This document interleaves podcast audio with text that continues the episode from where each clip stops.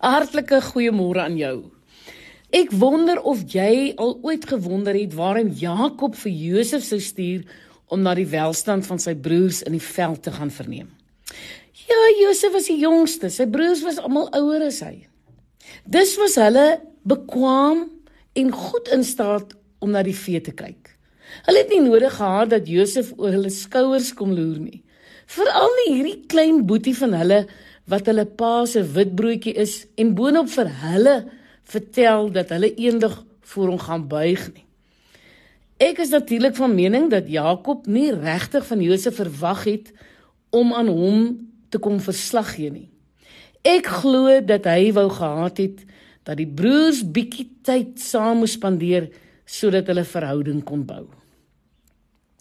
Nou ja, ek glo dat Josef geen idee gehad het dat sy lewe drasties sou verander het met hierdie opdrag nie. Net soos ons ook elke dag ons lewens lei, ons drome droom en nie noodwendig moeilikheid soek of verwag nie. En dan skielik gebeur die onverwagse en land ons ook deur omstandighede in 'n die diep donker put soos Josef. Wanneer jy jouself in die donker put bevind, wie fluister gewoonlik eerste in jou oor? Is dit nie die beskuldiger Satan nie? Ja, hy daag op om jou te kom beskuldig, om jou aan te kla, om jou te verwar en jou te veroordeel. Beskuldiging en aanklag kom altyd van die vyand af.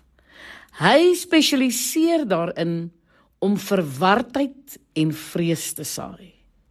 God se karakter is verseker nie een van verwarring en van veroordeling nie.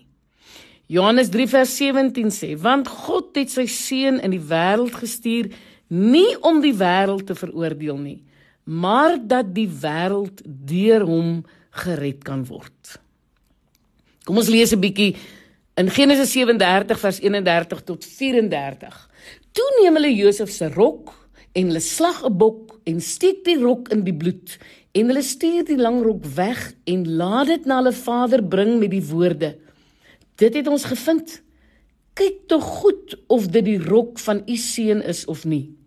En hy het dit herken en gesê: Die rok is van my seun. 'n Wilde dier het hom opgeëet. Verskeur, verskeur is Josef. En toe skeur Jakob sy klere en trek 'n rou kleed om sy heupe en hy het oor sy seun gerou baie daar lank. Jy sien Satan is so 'n goeie leenaar dat hy self bewyse sal opmaak om jou te beskuldig en aan te kla. Die broers het net Josef se bloedbevlekte kleed na hul vader geneem en gevra of dit sy seun se is. Jakob het self die afleiding gemaak dat Josef deur 'n wilde dier verskeur is. Net so.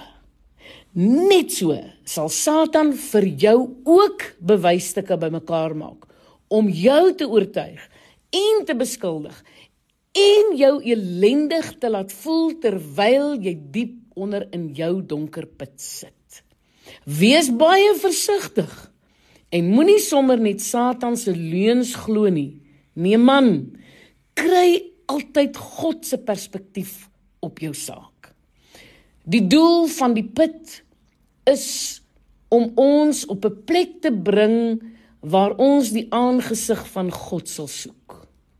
Wat kan jy in die put doen wat tot jou voordeel sal wees?